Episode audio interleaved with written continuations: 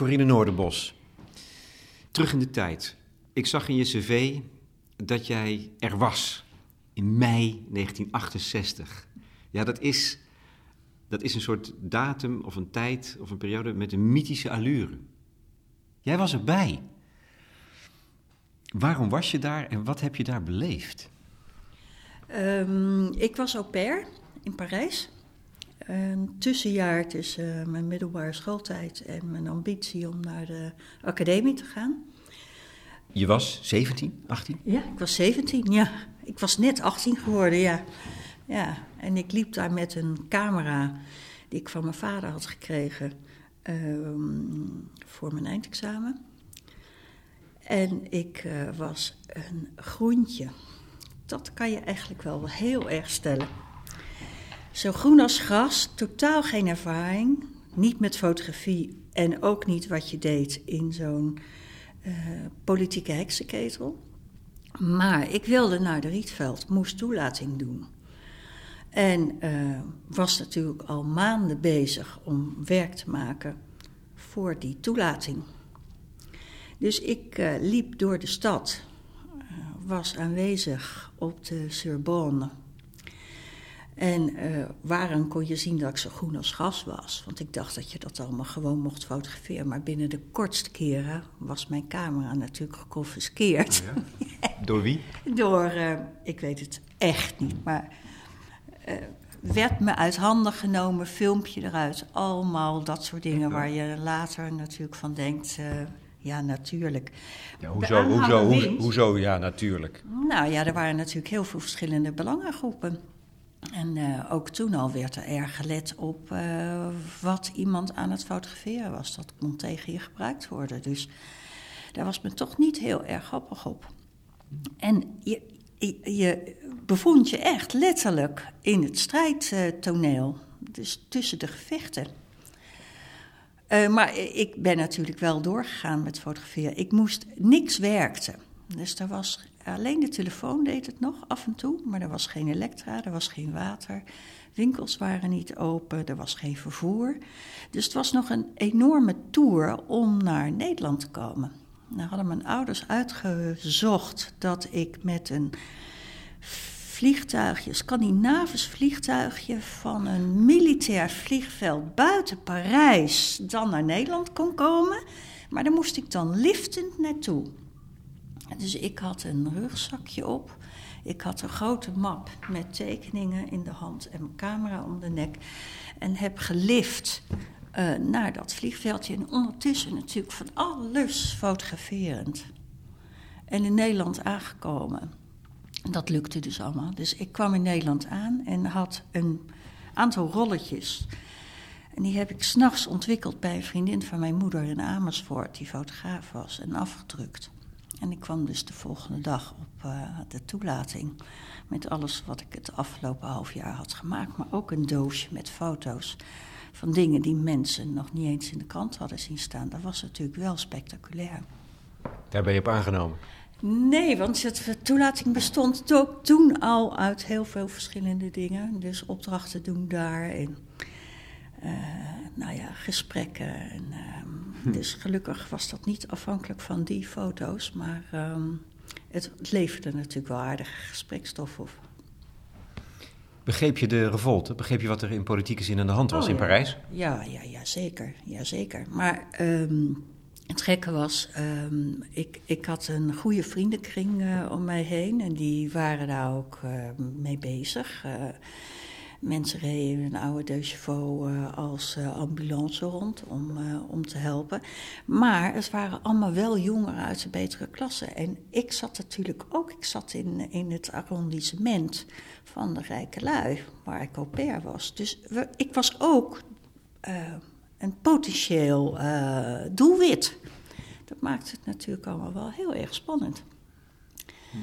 En dat is ook een beetje, kijk, achteraf klinkt het natuurlijk allemaal heel erg prachtig wat je mee hebt gemaakt. Groot avontuur. Maar zo was het op dat moment niet. Het was echt eng. En je bent natuurlijk bezig met je dagelijkse. Uh, als er geen water is, en geen elektra, geen eten. Je moest in de rij staan om, om uh, stonden allemaal te queuen om een beetje aan eten te komen. Dus dat, ja, en niks werkt. Maar waar lag je sympathie? Ja, bij de revolt, dat was heel duidelijk. Ja. En, waar, en waarom? Ehm, ja, dat is zo gek. Dat zou ik niet eens meer kunnen terughalen. Dat weet ik echt niet. Ik bedoel, ik was helemaal niet uh, politiek uh, achtergrond of wat dan ook. Maar intuïtief ging de sympathie uit naar. Ja, was dat toch al een beetje links georiënteerd. En ik kan je echt niet zeggen van waaruit. De tijdgeest. Heb je. Je wordt, je wordt daar fotograaf op dat moment. Er gebeurt iets wat, waar niemand. uh... ja, achteraf gezien is het ook interessant als je naar die foto's kijkt. En ik zal straks even voor je pakken, als ik dat doosje even kan vinden. Uh, kan je ook precies zien dat uh, de fotograaf die ik geworden ben. Dus ik was een beschouwer. Ik zat er niet bovenop. Ik wilde toch ietsje meer uh, achter het nieuws zitten. En daar ben ik ook altijd gebleven. Ik heb veel fotojournalistiek werk gedaan, maar nooit het heet van de naald. Altijd meer de analyse en de beschouwing. Dan moet je een beetje aan de rand blijven staan?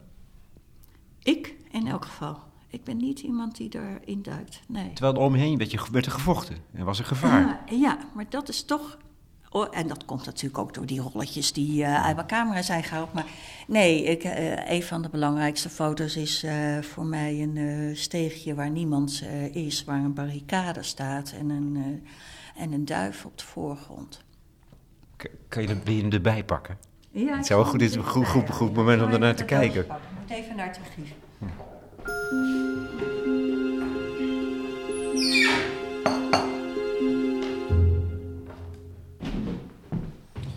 Kom ik ook even naast je zitten.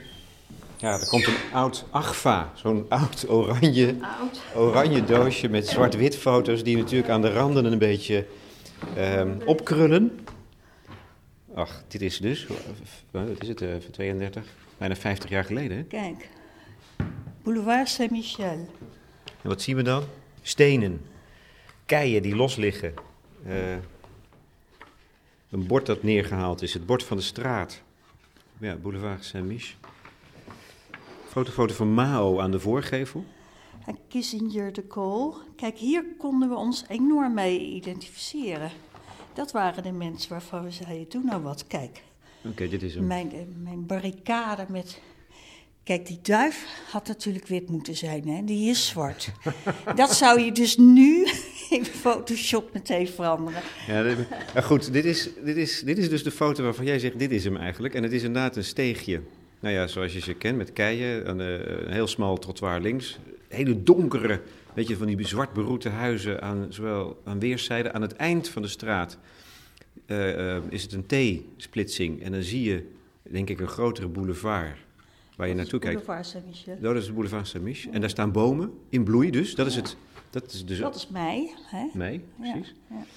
En dan aan het eind van het straatje, het steegje, dus een grote stapel met uh, huisraad en, en troep. containers. En een paar passen afstand één duif. Ja. Waarom vind je dit nou een goede foto? Um, nou, het is een symbolische foto. Een symbolische foto van het dagelijks leven gaat door, wat er ook gebeurt. Maar dit is de realiteit van alle dag, dat er gevochten wordt. Dat er partijen zijn en die proberen, alle, proberen elkaar dwars te zitten. Dan gaat het ook niet over het ideaal van vrede, het ideaal van dat, vrede dat heel, klein is Heel en heel morsig. Precies, precies. Die duif die is natuurlijk, maakt helemaal dat het een symbolische foto wordt. Ja. Als het dan gaat over fotografie, hè, je, je leidt nu nog steeds fotografen op. Wat zegt dit over fotografie voor jou? Of wat, wat, wat over de betekenis van fotografie? Ehm, dat je, je, je, je- fotografie is een enorm sterk medium als het gaat om verhalen vertellen over de tijd waarin je leeft. En je weet nooit eh, precies ehm, of het de tijd overleeft, maar dat probeer je natuurlijk wel. Je probeert de tijdgeest eh, vast te leggen en daar verslag van te doen. En in mijn geval is verslag doen dan Ehm, meer dan reageren op. Dit was natuurlijk heel erg reageren op, zoals fotojournalisten dat doen. Maar je ziet tegelijkertijd ook dat ik wel enige afstand neem. En dat is een positie waarvan ik zeg dat, dat past mij nog steeds best. Wat levert die afstand op? Ehm, dat je beter in staat bent om te komen tot de essentie van een verhaal. Door analyse, uh, je wil iets begrijpen. En ehm, je wil je stempel op dat verhaal drukken. En ik denk dat dat bij mij altijd wel voorop heeft gestaan. Wat mij aan deze foto's, er zijn, liggen er nu een stuk of uh, 15, liggen er voor ons. die opgebroken straten, de puinhoop op de terrassen. Maar er spreekt ook rust uit. Weet je, het geweld waar jij het net over had, de spanning, de angst, dat zie je hier helemaal, niet. Helemaal niet, nee. Maar dan mis je toch iets? Dat vond ik niet de essentie van het verhaal. Het vechten. Het vechten is een middel tot. Maar om iets te zeggen over een ontwrichting van een maatschappij vond ik veel essentiëler. Dat kan ik achteraf zeggen, hè? dat is een analyse achteraf. Ik heb heel intuïtief gehandeld. Het zegt ook iets over mij, dat ik niet deel wens uit te maken van een, uh, een groep vechters. Dus dat is niet de positie die ik kies. Maar ik vind dat dit verder reikt dan het gevecht. Maar dat is dus ook mooi. Intuïtief wist je al heel vroeg, meisje van 17, net 18, wat jouw standpunt was. Ja, dat is heel raar natuurlijk als je daarop terugkijkt. Dat kan ik ook helemaal niet plaatsen. Het enige is, en dat zeg ik ook vaak tegen studenten, je hoeft je intuïtie niet te begrijpen, maar je moet er wel je best voor doen. Je moet op je intuïtie vertrouwen en je moet het wel leren begrijpen. Want anders weet je het niet in te zetten. Want dat is waar jij mee bezig bent, denk ik, als je jonge mensen nu opleidt. Dat is zo, precies. Dat is. Uh, en, en werkt dat goed? Kijk, jij zat in een, in een cruciale fase van de geschiedenis. Waar we nog steeds mee, met de erfenis daarvan, hè, werken wij. Ook al weten we dat al lang niet meer. Maar het, het overrompelde je. Dat heeft je enorm geholpen, denk ik. Precies dat aspect.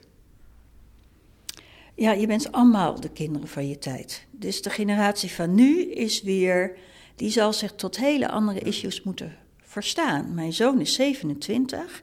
Dit is ik realiseer me heel erg goed dat hij de eerste generatie is die niet meer gevormd is door de Tweede Wereldoorlog.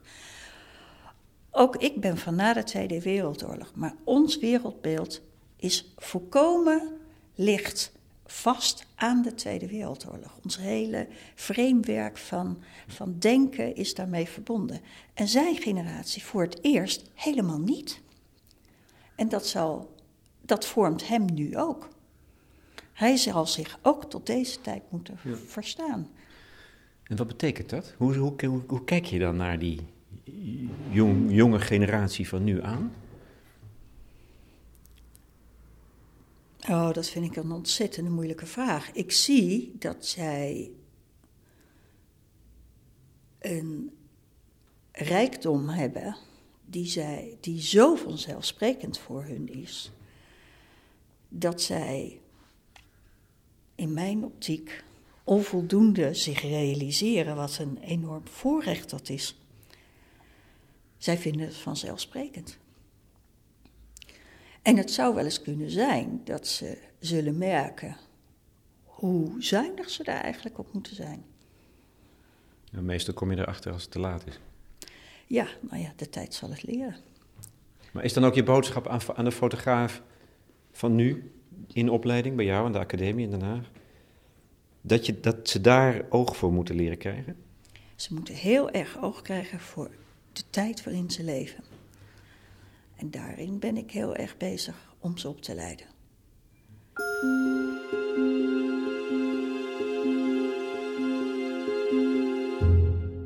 Martin Parr, met uw welnemen. De grootheid in de fotografie als het gaat om de geschiedenis van het fotoboek. Magnum, die heeft jou onlangs genoemd in zijn weblog als uh, van essentieel belang voor de ontwikkeling van de fotografie in Nederland. Documentaire fotografie. En het fotoboek. Dat zijn twee dingen die hij noemt. Uh, Hoe vond je dat eigenlijk? Ja, je werd een soort parel genoemd. Ik voelde me verschrikkelijk vereerd. Het was natuurlijk ontzettend leuk. Aperture is de grootste en bekendste en langdurigste uitgever van uh, fotoboeken. Dus het is natuurlijk ontzettend leuk als je daar zo uh, in het zonnetje wordt gezet. Ik voelde me heel vereerd. Verdien je het ook? Nou, op een bepaald punt denk ik, uh, wil, moeten anderen dat altijd zeggen. Maar ik ben daar wel al 30 jaar mee bezig, ja. Ik bedoel, in dat opzicht, uh, het is een passie van me. Ehm, je merkt naast het uh, fotograferen wat ik dan zelf doe, dat ik een enorme passie voor het fotoboek heb. En dat ik ook binnen het kunstonderwijs dat plek heb proberen te geven. En met succes. Want ik, ja, er zijn heel veel mensen nu actief in het veld. Uh, die prachtige dingen maken, wat wel voortgekomen is uit, uh, uit de opleiding. Ja. En dat zijn twee dingen. Hè? Het fotoboek is iets wat je passie heeft en de documentaire fotografie. Ja, misschien, dat, misschien dat eerste in aansluiting op waar we het net over hadden. Um, Marijn, die jou straks gaat fotograferen, die je ook kent, dat is ook een van de mensen die jou heeft opgeleid. En die een prachtige serie maakt, vind ik, voor uh, deze rubriek bij de correspondent. Um, en die zei van, het is, als, ik, als ik over fotografie praat met vrienden, feestjes, dan snappen ze niet waar wij, waar wij mee bezig zijn. Met wat bijvoorbeeld documentaire fotografie is. Kan jij dat uitleggen? Nou, je zou kunnen zeggen, en zo heb ik het vorige week weer aan de eerstejaarsgroep uitgelegd, die dan uh, kerstvers uh, aan uh, documentaire fotografie begint. Um, je hebt aan de ene kant de fotojournalistiek en aan de andere kant de conceptuele documentaire fotografie. En je kunt die twee als uiterste van het spectrum zien die ergens in het midden elkaar raken. Ergens in het midden weet je niet zo goed of je over fotojournalistiek of documentaire fotografie praat. Ik bedoel, dat overlapt elkaar. Maar het is interessant om je aan de uiterste kant te bewegen. En wat is dan het verschil, vraag ik natuurlijk, want ik weet het niet. Het verschil is uh, dat de, uh, de conceptuele documentaire fotografie, daar begin ik uh, dan maar even mee, ehm, daar is de auteur heel belangrijk. Het is de man die het verhaal vertelt. het is, die drukt de stempel op het verhaal. Um, en ik maak eigenlijk altijd de vergelijk naar de televisie. Ehm, je hebt de reportage in het nieuws, heel kort item wat verslag doet, reageert op iets wat er gebeurd is in de maatschappij. Koffieuur of twee vandaag of nieuwsuur, die plukt er iets uit. Vindt dat net ietsje belangrijker dan een ander item. Besteedt daar wat langer de tijd aan. Gaat ook iets reflecterender daarop te werk. En dan heb je laat op de avond het Uur van de Wolf. En daar wordt een documentaire uitgezonden. En dat gaat maar over één klein aspect van een groot verhaal. Daar is langer aan gewerkt, daar zit een auteur op. Die laat heel veel van het verhaal weg, maar die pikt er een bepaalde essentie uit en besteedt daar een uur aan. En daarom leent het zich ook zo goed voor een fotoboek. Want daardoor is het een langer leven beschoren. Daarom willen we er vaker naar kijken. En dat verhaal, dat reflecteert ook op de fotografie of op de tijdgeest en reikt dus ook verder dan de tijd. Het heeft een gelaagdheid, het is multi-interpretabel, het herbergt meerdere verhalen in één. Ik denk opeens, als je je zo hoor vertellen over het verschil dat bij de correspondent wordt gemaakt door Rob Wijnberg. Um, het is een uitspraak van Joris Luijendijk dat nieuws is wat alleen vandaag gebeurt en dus een incident is. En uh, waar het bij de correspondent over gaat, is wat eigenlijk iedere dag aan de hand is. En waar dus eigenlijk juist geen aandacht voor is, omdat het iedere dag aan de hand is. Nou, dat is een andere manier waarop je het zou kunnen zeggen. Ik zeg ook wel eens, de fotojournalist reageert en de, de, de documentairemaker die antameert. Dus die heeft een hele andere rol. Die is initiërend, die gaat erop af, die signaleert iets, wil dat onderzoeken en, uh, en uh, gaat daar diepgravender op in. En beide hebben we nodig in onze maatschappij. Dat is ook wat de correspondent zelf zegt. Hè. We hebben uh, kranten nodig, maar we hebben ook de correspondent nodig. Want die reflecteert anders op een gegeven dan wij dat doen. En dat kan dus ook in fotografie, mits je een auteur hebt. Want dat begrijp De documentaire fotograaf wordt gedomineerd door het auteurschap. Ja. Kan je nou een voorbeeld geven, Corine? Van wat, jij, wat jij echt een mooi, echt een auteur vindt? Uh, ik ga je een paar dingen laten zien. Eén ehm, voorbeeld, dat is van Wassing Lundgren, die jaren geleden in China hebben gewerkt.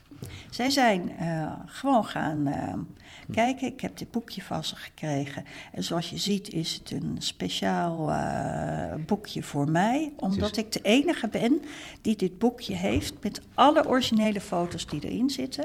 Er staat op, Wassink Lundgren is still searching. En dan een paar Chinese tekens. Special copy voor Corine Noordenbos. For educational purposes only. Copy 479 contains uh, uh, 32 nice pictures. Inderdaad. Wat zij deden, en dat is het conceptuele karakter natuurlijk ook van hun. Zij, hadden dit, zij hebben dit boekje in uh, China laten drukken. En als iemand dat boekje wilde kopen, dan gingen ze door dat boekje en scheurden de foto's eruit die op dat moment niet belangrijk voor ze waren. Dat zijn deze losse foto's die je hier ziet. Hmm. En ik ben de enige die dus de complete set heeft. Ah, oké. Okay. Um, ehm, nou zit er één foto hier in dat boekje die aanleiding geweest is voor hun uh, om te zeggen: Oké, maar hier gaat het eigenlijk om. Dit is de essentie van ons verhaal. En dat is een foto van een man die een leeg flesje opraapt op straat. Dit is in uh, Shanghai of in Beijing? Wat is nou, eigenlijk is het niet, zo vreselijk belangrijk. Ze hebben zowel in Shanghai als in Beijing gewerkt. En het heeft uiteindelijk geleid tot dit boek, Empty Bottles. En um, zij hebben eigenlijk het metafoor van het oprapen van een flesje. En men deed, doet dat in China voor het statiegeld. Hebben ze gebruikt voor uh, hoe de Chinese maatschappij op dit moment in elkaar steekt. Uh, namelijk grote verschillen tussen de haves en de have-nots en de enorme ontwikkeling die er plaatsvindt. En dat zie je ook later in dat boek van Empty Bottles. Dan zie je hoge flatgebouwen, allemaal even modern. En ondertussen is er dan nog iemand, meestal ook in traditionele kleding, maar dat is op zich niet zo vreselijk belangrijk, die een flesje opraapt. En kennelijk heeft het dus nog zin om daar je geld mee te verdienen. En die controverse is natuurlijk heel erg groot. Nou, het feit dat je dus ergens werkt, niet precies weet waar je het nou over wil hebben, behalve dat de Chinese maatschappij je interesseert. Zo'n zoektocht kan ertoe leiden dat je dus het metafoor tegenkomt waarbij je zegt: Oh, maar dat vertelt het hele verhaal. Nu snap ik het nu snap ik waar ik het over wil hebben. Maar dat heb ik ook met die foto. Die, die, die, die, die, heeft iets, um, nou ja, eigenlijk niets zeggens. Als ik het verhaal niet zou weten, wat je me nu vertelt, dan denk je, nou, dat is een beetje een, banale foto. Een man die uh, uh, wordt van achter gefotografeerd, dus je ziet zijn kont, hij raapt, hij is, hij is voorovergebogen, strekt zijn arm naar dat flesje dat op die straat ligt. Kraak, helder, heel schoon is alles. Je ziet verder helemaal geen vuil, bijvoorbeeld. En het is bij, uh, aan de rand van een parkje kijkt ook tegen een paar dennen, een soort dennenbomen aan. Daarachter verbergen zich de flats en de winkels en de torens. Maar je ziet eigenlijk helemaal niks aan zo'n foto. Het is niet spectaculair. Het is zo onspectaculair als maar zijn kan. Maar zij herkennen erin van... hé, hey, maar hier kunnen we het verhaal heel goed mee vertellen. En nu, want daarnaast ligt dus wat ze uiteindelijk waar het toe geleid heeft. Hè, Empty Bottles. Dit is dan het fotoboek wat uitgebracht is. Dit is het fotoboek wat uitgebracht is en wat ook meteen internationale erkenning heeft gekregen en een, enorme internationale reputatie heeft uh, bezorgd. En, en waarom? Omdat het zoiets eenvoudig... Je had Omdat het over iedereen het metafoor herkent. Iedereen herkent in al zijn eenvoud dat dit heel veel zegt over de Chinese maatschappij.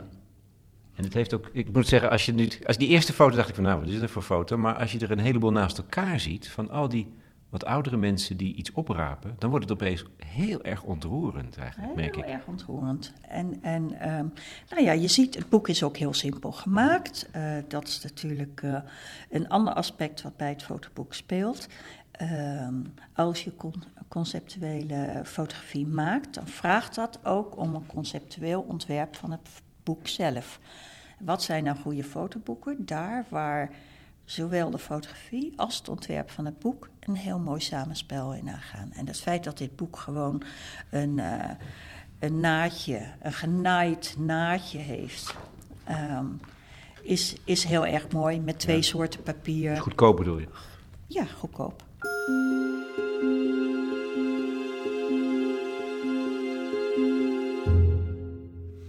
Ik kan je een voorbeeld laten zien van een tweedejaarsproject van vorig jaar. Dus dat is echt eh, iemand die dan nog helemaal aan het begin staat. En ehm, het is een beetje vergelijkbaar met mij. Toen ik jong was, ik maakte dingen vanuit een bepaald soort nieuwsgierigheid. Niet omdat ik er veel van wist of eh, je maakt het vanuit nieuwsgierigheid. Dit project van dit meisje, we hebben vorig jaar geprobeerd om allerlei aspecten van de Nederlandse samenleving in beeld te brengen eh, voor ehm, zeg maar buitenstaanders. En in dit geval eh, hadden we Polen als, eh, als doelgroep genomen omdat we zelf naar Warschau zouden gaan en Polen zouden fotograferen, hadden we gezegd, nou dan doen we Nederland, fotograferen we Nederland voor de Polen. En zij heeft een boekje gemaakt. Zij was enerzijds enorm gegrepen door wetenschap. Um, ze heeft een boekje gemaakt van allerlei planetaria. En ik vind het een heel aardig boekje geworden. Ik vond het een hele leuke serie geworden omdat ze planetaria fotografeert met de positie als dat uh, een kind van de Thunderbirds houdt. Dus het alien gevoel van, uh, van uh, ja. Science fiction gewoon. Science fiction, ja, inderdaad. Dan kom ik toch maar even naast je staan. Ja? Het heet Enclose en het is van Cleo Wechter. De tweedejaars... Uh, tweedejaars, tweedejaarsproject, dus het is echt nog een heel, heel simpel. Ja. Want ja, zoals ik zeg, uh, op de academie doe je in zeven weken of in veertien weken... waar een professioneel fotograaf misschien uh, zeven jaar aan werkt. Dus het is een snelkookpan. Maar probeer de weg te volgen om je in te graven in iets... en tot een essentie te komen en, daar, en dat te verbeelden. Dus dit is wat zij gemaakt heeft. Ik loop er even de, doorheen. Wow. Uh, dit is waar het op dit moment over gaat in Nederland vanwege Plasterk. Uh, het zijn de grote schotels waar, uh, waar eh, gegevens oh ja. binnenkomen. In een bosrijke omgeving? In een bosrijke omgeving. De, vandaag in de Volkskrant wordt geroemd over het grote oor bij, in Friesland. Nou, ik weet niet of dit het grote oor is. Ik geloof dat ze ergens wel iets heeft gezegd over waar ze gefotografeerd heeft, maar ik weet niet of ik dat zo snel ja. kan vinden. En dat is een soort. Ja, want als je, als je, als je, deze, deze, eh, als je het openslaat, dan zie je een groot beeld, nog voor deze foto, die je, dan is het net alsof een maan of een zon opkomt. Uit, het is heel vroeg, hè, het is blauwig, maar alsof die uit de bomen opkomt. En dan sla je om en dan blijkt het dus een schotel te zijn voor een informatie. Schotel te zijn. En dat is dus heel mooi zoals ze die insert heeft gemaakt, want het is alsof je de buitenkant en de binnenkant ja, ja. ergens van ziet. Maar ze heeft ook bij Planetaria gefotografeerd. Dat zie je dan weer hier. Maar het doet allemaal. Het, het, het geeft een inkijkje. Maar het roept ook die magie op. waarmee we uh, met de wetenschap naar de wereld dus kijken. Dit is eigenlijk meer de blik, de pure blik van de onschuld of het kind. dat kijkt en. en uh, en verwonderd is. Ja, zijn fascinatie. Uh, dat wij met de wetenschap dingen doen die je niet kan grijpen. Het is ongrijpbaar, maar het is wel fascinerend. Het boeit ons wel. En, en ondertussen stuit je dan stiekem langs een zijlingse weg op een van de grote kwesties van deze tijd. Privacy precies, en... Precies, en dat levert dus ook beeld op waarvan je kan zeggen... ja, daar zitten heel veel kanten aan zo'n verhaal en het maakt het gelaagd. Het eh, gaat over veel meer dan het onderwerp zelf. En dat is zo belangrijk, dat je je realiseert dat je een onderwerp zo kan vertellen dat het zijn weerslag heeft op veel grotere maatschappelijke aspecten dan je in eerste instantie zou denken. En als je, en als je van Cleo Wachter dan het, de, moet zeggen, de kern of de persoonlijkheid zou moeten benoemen, dan dus die intuïtie waar je het over had, waar, waar jij ook in, in mei 68 mee begon, dan is dit nieuwsgierigheid of kinderlijkheid. Ja, nieuwsgierigheid. Nieuwsgierigheid naar, naar uh, aspecten van het leven die misschien heel abstract lijken, maar die jij uh, kan concretiseren. Ja. Nou, hier naast de foto. Ja. En uh, daar zie je dat iemand dus ook op een planetarium bezig is met een prachtige reflectie van, van iemand die lijkt uit de lucht op te staan. Want dat is iets wat eigenlijk niet kan. Je zit op het dak van iets waar iemand met een, met een fototoestel bezig is in zo'n oranje werkersjasje. En je ziet daarachter, achter een wit koepeltje, wat de top van een liftschacht zou kunnen zijn of zoiets, maar dat is het niet. En, en een paar masten. Uh, zie je in de verte zie je eigenlijk de, ja, de, de, de stad die bestaat uit lichtjes. Dus de horizon wordt gevormd door de stad. Maar uit die horizon komt dan inderdaad het, heel reusachtig groot, het silhouet van iemand. Dat kan helemaal niet, dit. Nee, dit lijkt niet te kunnen. Maar dat is natuurlijk zo ontzettend leuk voor fotografie, dat je af en toe cadeautjes krijgt. En dat dan blijkt dat je iets zo kan fotograferen als je het in werkelijkheid nooit ziet. Ja, want wat is de oplossing van die draad? Zoals de... Maar ik, ik weet het niet. Het zal iets gereflecteerd hebben. Uh, Misschien is het een, uh, een glazen wand waar ze voor staat en fotografeert ze door een glazen wand. En, nou, iemand anders had het misschien een fout genoemd. Ja, maar dat is het aardige van fotografie. Als je daar dus waardevrij naar kijkt en niet vanuit een cliché gedacht ja. hoe het, uh, wat goed en wat fout is en wat uh, mooi en wat lelijk is, dan kom je tot uh, hele grote beeldende verrassingen.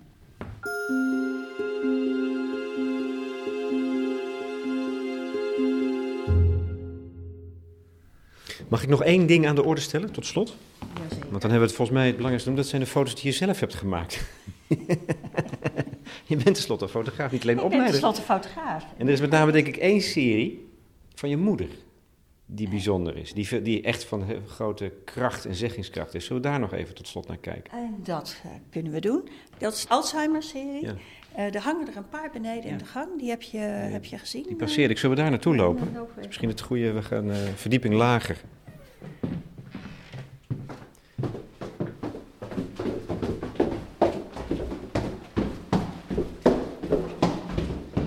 hangen hier, er hangen hier drie grote beelden, vier, twee, twee. Van je moeder die je hebt gefotografeerd. Nou, het is niet mijn moeder. Oh. Het, de aanleiding is mijn moeder geweest, maar mijn moeder is niet gefotografeerd. Hm, waarom niet? Want je moeder kreeg uh, wel Mijn moeder overleef, uh, overleed drie dagen voordat ik begon. En, en, en je begon waarmee? Uh, met ehm, te fotograferen in het verpleeghuis portretten te maken van mensen met Alzheimer. En zoiets is natuurlijk altijd een uh, ingewikkelde aangelegenheid voordat je alle partijen overtuigd hebt van je integriteit en toestemming hebt van alle partijen. Dus daar rustte een, uh, uh, ja, daar was een deadline gesteld. En drie dagen voordat ik kon beginnen, uh, overleed mijn moeder. Dus mijn moeder is uiteindelijk niet in die serie terechtgekomen. Maar zij was natuurlijk wel de aanleiding dat ik dit maakte. Je hebt wel degelijk een serie portretten gemaakt. Ik heb een hele grote serie gemaakt, want het overviel mij natuurlijk. Ik dacht van, ha, fijn, ben ik elke dag onderheen. En toen was er niet meer. En een verpleeghuis, uh, ik had het zo heftig gevonden. Ik heb daar zoveel beleefd. Dat ik dacht, uh, nou ja, ik had natuurlijk eerst de begrafenis en al dat soort dingen. En toen dacht ik, nou moet ik het heel snel gaan maken, want anders wil ik nooit meer een verpleeghuis in. Toen heb ik eigenlijk in een hele korte tijd deze serie gemaakt. Waarom was het zo heftig? Uh, ik denk dat het heftig is als je het meemaakt van iemand die, uh, die een geliefde uit je eigen omgeving. Het is heel erg moeilijk om iemand te zien lijden. En mijn moeder heeft heel erg geleden. Maar in de tijd, hè, we zijn nu alweer zoveel verder, maar uh, in de tijd was Alzheimer echt een taboe. Ik ben ook de eerste geweest die het zo gefotografeerd heeft. Uh, en dat merkte ik omdat ik erover begon te praten. En toen merkte dat er heel veel mensen in mijn omgeving waren die ook iemand hadden met uh, Alzheimer. En wat een impact dat op hun leven had. Met die foto's kan je ook een taboe doorbreken. Ja, en een van de belangrijkste dingen vond ik dat uh, ik merkte dat mensen Alzheimer-patiënten niet meer zagen als personen omdat de communicatie zo anders loopt. Je hebt geen verbale communicatie meer. Maar dat maakt nog niet dat iemand er niet meer is. Dus ehm, wat ik in beeld heb gebracht is echt de communicatie die je hebt als je elkaar in de ogen kijkt. Dus wie kijkt nou naar wie? Kijk jij nou naar haar of kijkt zij nou naar jou? Dat is één kant van het verhaal. En de andere is dat je aan iemands gelaat. Ik merkte dat als je naar iemands gezicht kijkt je, en je ontdoet het van alle persoonlijke dingen, maar je kijkt echt alleen naar het gezicht. Dat je zo goed ziet wat voor soort leven en hm. karakter iemand heeft. Wat voor leven ligt er nou achter iemand en wat voor karakter heeft iemand. En uh, vandaar dat het zo heel erg close gefotografeerd is en ontdaan van alle persoonlijke elementen, zoveel mogelijk althans. We staan dus nu voor zo'n, op een halve meter afstand, voor zo'n ja, meer larger than life portretfoto van uh, een van de vrouwen uit dat verpleeghuis, waar je moeder dus ook verzorgd is geweest die laatste tijd. Je ziet nog net een randje van het haar, maar eigenlijk al niet meer. En hier is een vrouw die haar hand voor haar mond heeft geslagen. Zo van, je, je, ja, misschien corrigeer me als ik me vergis, maar ik lees een, een soort schrik of angst in haar ogen. Dat klopt. Ja, terwijl een ander die uh, ook in de gang uh, die schrik helemaal niet heeft. Uh, zij is misschien wel treurig. Ik heb ook hele lachende mensen erbij die heel erg ehm, vrolijk op de situatie reageren waar ze in was. Ehm, ja, iedereen neemt zijn eigen. Ik zei wel eens over mijn moeder: het is net als een, uh, als een vrucht die je afpelt en je blijft over bij de blanke pit. En dat zegt eigenlijk het meest over wie iemand als alle schillen van de beschaving en socialisering zijn afgepeld, dan hou je over wat iemand in essentie echt was. En dat uh, heb ik ook heel erg met deze mensen ervaren. Het zijn prachtige weken geweest dat ik uh, gefotografeerd heb. Heel, heel bijzonder. Maar ook heel troostrijk dus, want dat was dus na de dood van je moeder. Heel fantastisch, heel fantastisch. Ik heb er heel veel aan beleefd. Heel veel positieve dingen. Want wat mij dan hier treft, en nogmaals, ik sta er bovenop en het is een, het is een hele grote foto, ook ingelijst hier is hoe dichtbij je nu bent. Terwijl je hebt het over die blik, die, we kunnen geen taal meer gebruiken, dus is een, net zo goed wij kijken, maar er wordt ook teruggekeken alleen. Het is een hele intense communicatie die je met elkaar hebt.